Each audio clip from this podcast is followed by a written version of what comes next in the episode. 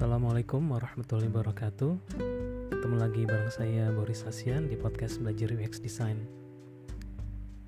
Di episode kali ini saya akan menjawab pertanyaan Beberapa pertanyaan yang ada di Twitter.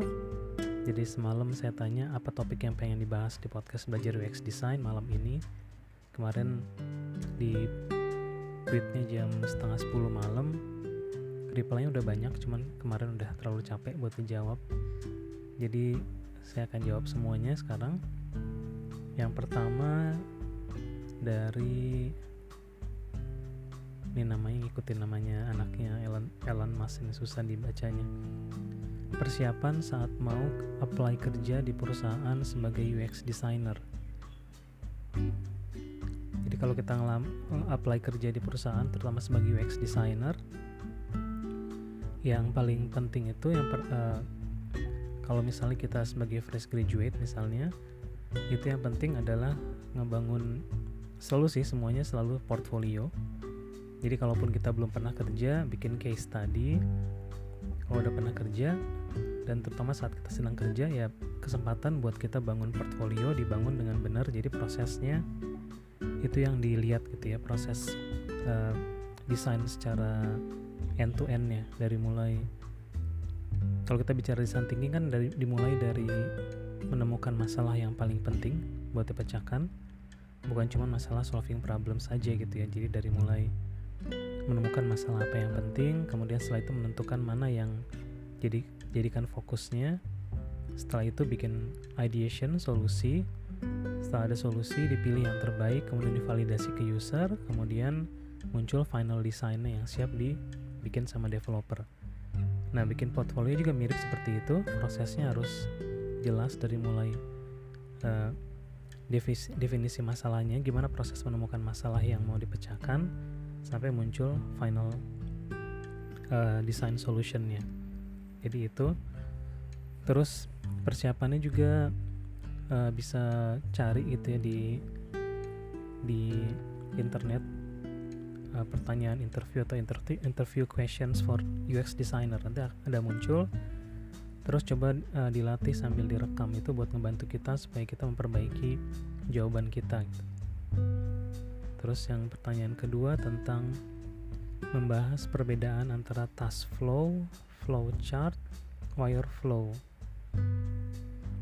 Jadi kalau yang saya ngerti sih task flow sama flow chart hampir mirip ya. Pokoknya kan kita misalnya kita ngebahas uh, mendesain experience. Itu kan simpelnya ada user ada pengguna kemudian ada goals yang mereka mau apa. Misalnya kita bicara uh, nonton film misalnya. Itu kan mereka ingin menonton film yang sesuai dengan misalnya selera atau sesuai dengan uh, moodnya misalnya. Itu goalsnya. Kemudian di antara user sama goalsnya kita buat stepsnya. Nah itu dalam bentuk flowchart jadi high level gitu ya. Misalnya dia mencari di Google kemudian dia mendownload apps-nya atau membandingkan beberapa apps kemudian dia menentukan mendownload misalnya Netflix kemudian dia membuka apps-nya kemudian men-search apa. Nah itu kayak dibuat dalam flowchart. Kalau Wireflow itu biasanya yang udah high fidelity jadi desain yang udah jadi screennya. Kemudian kita bikin uh, hubungannya. Jadi misalnya dari screen ini pindah ke screen mana. Kalau di toolsnya biasanya kita buat misalnya desainnya di sketch atau di figma. Sekarang pakainya figma kalau saya. Itu nanti dihubungkannya bisa di figmanya sendiri. Atau ada juga kalau misalnya yang pakai sketch ada yang pakai overflow. Jadi bisa macam-macam gitu ya. Yang pasti over wireflow itu buat menunjukkan screen apa aja apa yang ada. Kemudian pergerakan dari usernya dari satu screen ke screen lain buat mencapai tetap tujuannya apa? Tadi pertanyaan dari Dimas ya. Terus yang ketiga uh, dari Arif melakukan usability testing ke aplikasi B2B susah mencari real user.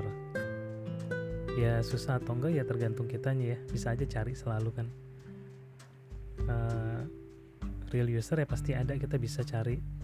Kalaupun misalnya nggak dapet kita bisa cari yang mirip profilnya karena usability testing kan lebih buat uh, pertama yang mungkin yang first uh, uh, first shotnya gitu buat usability yang round pertamanya kita buat lebih ngecek make sense nggak sih? Karena kadang-kadang flow itu walaupun misalnya kita tes ke orang yang bukan real usernya tetap bisa dicari hal yang apa bikin yang bikin bingungnya. Jadi tetap bisa dicari. Kalau misalnya ada spesifik tapi misalnya B2B nya lebih kayak misalnya buat akuntansi buat keuangan. Nah itu kan spesifik uh, usernya harus yang ngerti keuangan misalnya. Nah itu bisa dicari sih selalu bisa dicari. Entah kita coba cari di banyak banyak banyak ya. Kita bisa cari tanya ke teman atau uh, ke sosial media bisa siapa yang uh, kenalannya ada yang akuntan gitu kan. Jadi tetap bisa sih. Ya kalau jawabannya mungkin kan tidak ya jawabannya pasti mungkin. Terus dari Reza Prama tentang menguliti kritik netizen terhadap UX Gojek terbaru. Ya sebenarnya kalau kritik nggak usah dikuliti ya udah. Ya kritik ya itu yang apa yang dialami sama user. Uh, mau apa pun yang kita buat projectnya, produknya kan itu nggak ada desain yang sempurna gitu ya. Selalu ada hal yang bisa diimprove dan selalu bisa ada hal yang bisa diperbaiki. Uh, jadi ya kritik ya biasa gitu ya. Kalau kita nggak mau dapat kritik ya jangan ngerjain apa-apa gitu. Nah kalau UX uh, eh, kita dikritik itu bagus. Jadi orang ada yang make. Kalau misalnya nggak ada yang kritik kita jadi bingung ya nggak ada yang make gitu kan. Cuman kalau terkait yang uh, jadi kan kalau tim di Gojek besar itu macam-macam. Kalau misalnya ada yang mau kasih feedback tinggal mention aja Gojek Design ya selanjutnya dari siapa namanya nggak jelas nih. Yang harus dilakukan ketika suggestion dari hasil riset tidak jadi prioritas PM jadi kalau kita bicara kolaborasi dengan product manager yang mewakili biasanya bisnis, ya kita harus bisa bicara dalam bahasa bisnis misalnya suggestion dari hasil riset itu apakah ada impactnya? Gimana kita bisa me, uh, menjelaskan impactnya ke bisnis? Kalau cuma dari sisi user aja ya nggak heran nggak jadi prioritas.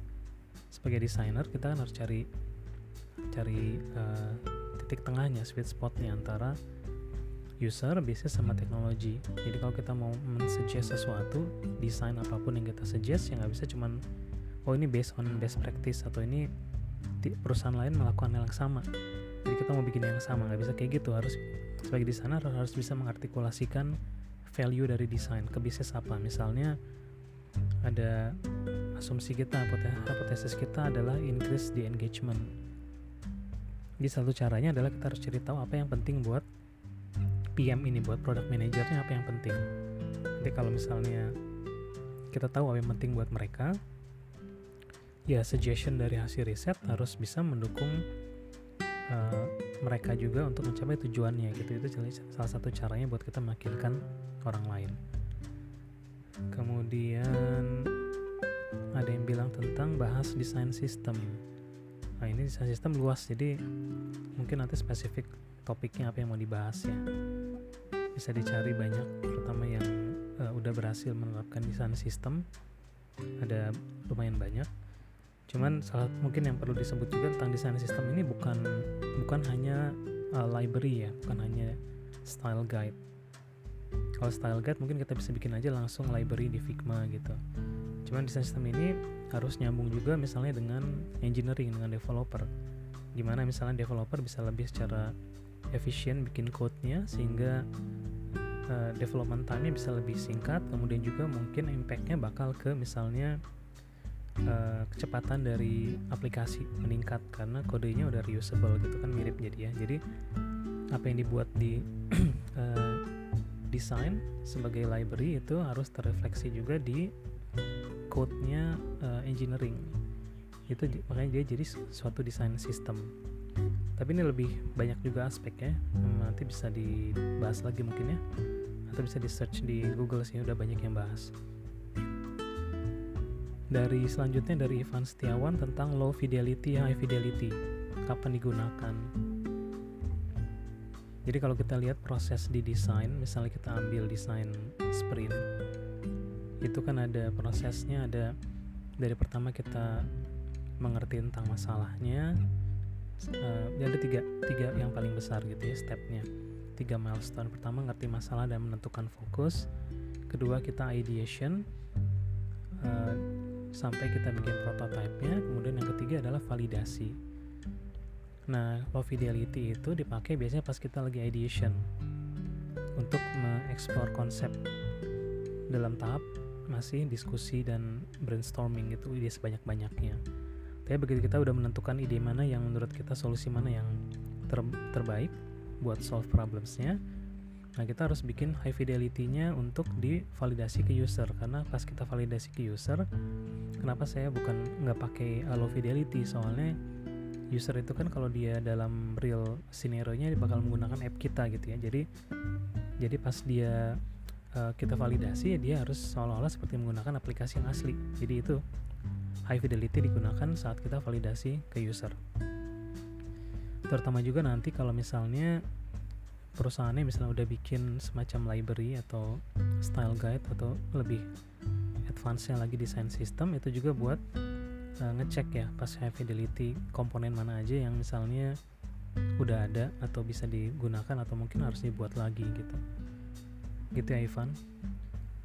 Kemudian Muhammad Yardo. Peran motion dalam UX wah motion ini kita lihat uh, sekarang aplikasi kebanyak banyak ya udah udah mulai pakai motion penggunaannya bukan hanya bukan hanya karena supaya terlihat keren motion ini bisa dicari nanti mungkin bahas spesifik bisa dicari namanya gestalt uh, teori atau gestalt psychology di teori di desain. Jadi salah satunya supaya misalnya satu sistem atau apps itu terlihat uh, unified gitu ya, experience-nya terlihat lebih smooth itu motion berperan. Jadi ada namanya uh, common fate uh, common fate itu apa ya jadi elemen yang bergerak secara uh, sinkron itu cenderung dipersepsikan lebih uh, lebih apa ya lebih terhubung. Jadi misalnya uh, kalau kita uh, apa uh,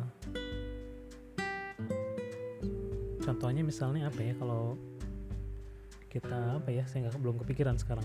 Misalnya uh, swipe gitu ya. Kayaknya swipe kita ke kiri terus dia ada elemen yang bergerak ke kiri. Animasinya dia kartnya ke kiri bergerak bersamaan dengan komponen lain atau ikonnya nah itu dianggap kayak bersamaan. Uh, susah kok di podcast nggak sih lihatnya tapi itu bisa dicari aja. Jadi salah satunya bukan cuma karena buat uh, fancy tapi dia ada hubungannya juga dengan gimana supaya desain dipersepsikan lebih lebih apa ya lebih smooth gitu ya. Terus dark mode yes or no? Ya kembali lagi dark mode ya. Ini kan preference dari user. Kayak saya lebih seneng yang light bukan yang dark. Ada orang yang senang dark. Jadi ya preference dari user nggak ada jawaban benar atau salah ya. Jadi biasanya dua-duanya disediain karena sekarang user expect jadi kan gini kalau kita bikin desain atau bikin layanan kan ekspektasi user bisa berubah-ubah tergantung uh, misalnya tren apa yang ada kemudian dia, dia juga udah pernah pakai app apps apa. Jadi kalau misalnya semua buat dan dia berharap juga itu jadi feature standar ya bisa jadi itu jadi harus keharusan gitu ya punya dark mode. Tapi nggak juga sih menurut saya bisa juga tetap banyak apps yang nggak ada dark mode ya oke oke aja. Desain sistem uh, selanjutnya Dio Pramudia. Desain sistem penerapannya gimana penerapannya uh, bisa di search di perusahaan-perusahaan Indonesia yang udah pakai. Nah, tadi saya udah bahas sekilas desain sistem ya penerapannya gitu ya pas library yang desain dipakai buat kita lebih cepat dalam memunculkan high fidelity. Kemudian kalau dia udah jadi desain sistem yang terintegrasi dengan library yang developers developers bakal lebih cepat lagi nggak perlu bikin baru lagi dan bisa nanti pengaruh ke kecepatan apps-nya. Selanjutnya dari Kevin bikin usability testing yang baik gimana? Saya buat pakai high desain yang high fidelity disangka tester real app. Oh itu bagus ya. Seperti saya bilang tadi kalau kita lagi validasi ke user ya harus dianggap sebagai real app gitu kan. Jadi ya bagus. Sedangkan interaction terbatas ya nggak masalah. Tapi kan kita udah punya goalsnya apa yang mau dicapai. Kalau misalnya user klik ke uh, bagian yang misalnya dia nggak ada screennya ya kita buat kayak placeholder screen yang nanti kita bilang itu screen itu uh, belum ada buat sekarang. Dan itu nggak nyambung dengan flow yang kita sedang testing gitu ya. Hasilnya scalability testing kurang entah memang flow aplikasi yang gak reachable atau prototype yang salah. Nah nggak tahu jawabannya yang mana.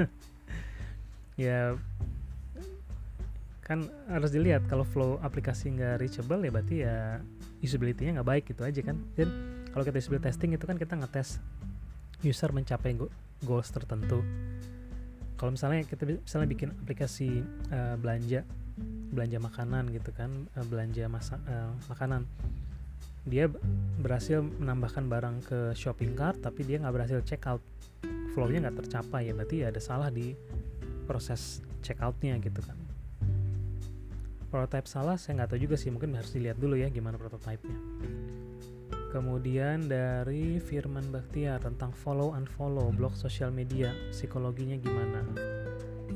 Uh, saya bahas yang saya tahu aja karena saya juga mungkin saya engineer sama desainer jadi ya baca sedikit tentang psikologi. Mungkin yang saya tahu sih pengetahuan saya yang sedikit tentang follow unfollow uh, misalnya bicara orang tentang argumentasi ya debat. Kemudian nggak cocok terus dia mengunfollow orang atau memblok gitu kan ada di psikologi namanya confirmation bias. Jadi kalau orang confirmation bias itu artinya dia itu nyari informasi atau mencari informasi berdasarkan apa yang udah dia percaya sebelumnya. Jadi misalnya kalau saya percaya bahwa misalnya uh, donat misalnya dan donat nggak enak gitu. Atau misalnya dia dan donat saya percaya dan donat itu kualitas rotinya nggak enak. Nanti saat saya baca review apa pun yang saya baca sekalipun misalnya dia positif reviewnya saya bakal selalu mencari informasi yang bisa mendukung kesimpulan saya atau belief saya bahwa Dunkin Donut itu nggak enak misalnya ini contoh aja Dunkin Donut enak sebenarnya kalau ada yang dari Dunkin Donut. Uh, nah jadi misalnya ada review yang negatif itu malah jadi memperkuat. Gitu. oh iya pantesan dia negatif emang rotinya nggak enak. Jadi uh, kadang-kadang juga kenapa kita lihat diskusi itu kayak nggak ada akhirnya karena tiap orang itu punya confirmation bias nah gimana caranya supaya kita bisa keluar dari confirmation bias? Ya kita harus sadar bahwa itu ada gitu confirmation bias confirmation bias. Sehingga saat kita menerima informasi kita akan mencoba buat lebih objektif gitu. Melihat benar-benar positif negatifnya atau secara objectively bisa menilai komen orang atau pendapat orang gitu. Cuman yang paling pertama sih uh, kita juga harus ini ya kita harus juga punya sikap bahwa kalau kita bicara itu atau kita me mengutarakan opini kita itu kita bukan untuk uh, uh, apa ya untuk memaksa orang atau nggak mau dapat kritikan balik atau nggak mau dapat respon balik. Kalau kita misalnya kita bicara di media misalnya sosial media atau kita bicara di dengan teman uh, opini kita kemudian kita nggak nggak pengen dapat respons karena pengen dapat uh, apa namanya uh, komen balik ya jangan jangan bicara gitu ya nulis aja mungkin bikin aja kayak blog gitu kan. Kalau blog itu kan one way ya. Mungkin ada yang komen tapi kan kita bebas ngomong apa aja gitu. Jadi itu sih paling uh, mungkin follow unfollow uh, psikologinya gitu. Oke okay, itu buat uh, sesi yang tanya Boris buat edisi hari ini. Nanti kalau ada apa-apa silahkan bisa mention di Twitter Boris Hasian terus ya kalau udah spesifik lagi bisa ya bisa mention di sana aja ya. Gitu dulu aja. Uh, selamat berkarya hari ini. Mudah-mudahan selalu diberi kesehatan. Uh, dan ingatkan terus untuk selalu memberi manfaat yang banyak untuk orang lain. Sampai ketemu lagi di podcast selanjutnya. Wassalamualaikum warahmatullahi wabarakatuh